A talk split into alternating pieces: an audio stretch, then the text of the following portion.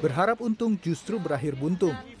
Para korban penipuan arisan online di Blora, Jawa Tengah kini hanya bisa meratapi nasib.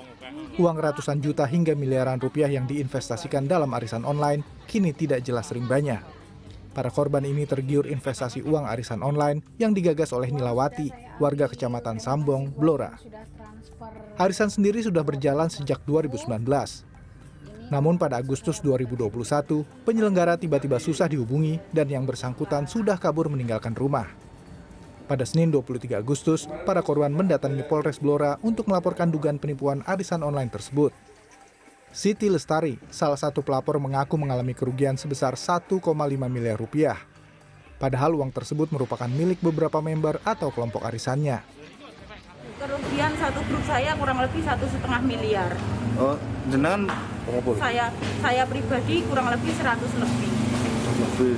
Berarti satu setengah miliar itu bersama dengan Beserta grup saya. Saya ibarat kata kalau orang Jawa bilangnya itu saya itu belantiknya. berapa orang? Kurang lebih hampir 100 orang. Modal saya 250 juta.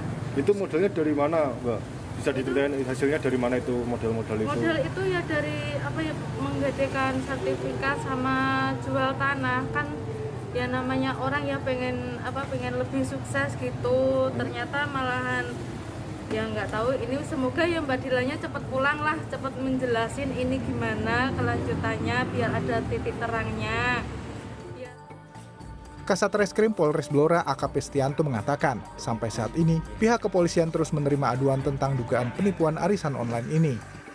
sekitar 35 miliar. Itu yang Itu dia informasinya juga sebagai pengumpul. 35 miliar. punya member-member banyak gitu ya. Yang berbanyak dari tengah-tengah saudara-saudaranya itu bersama.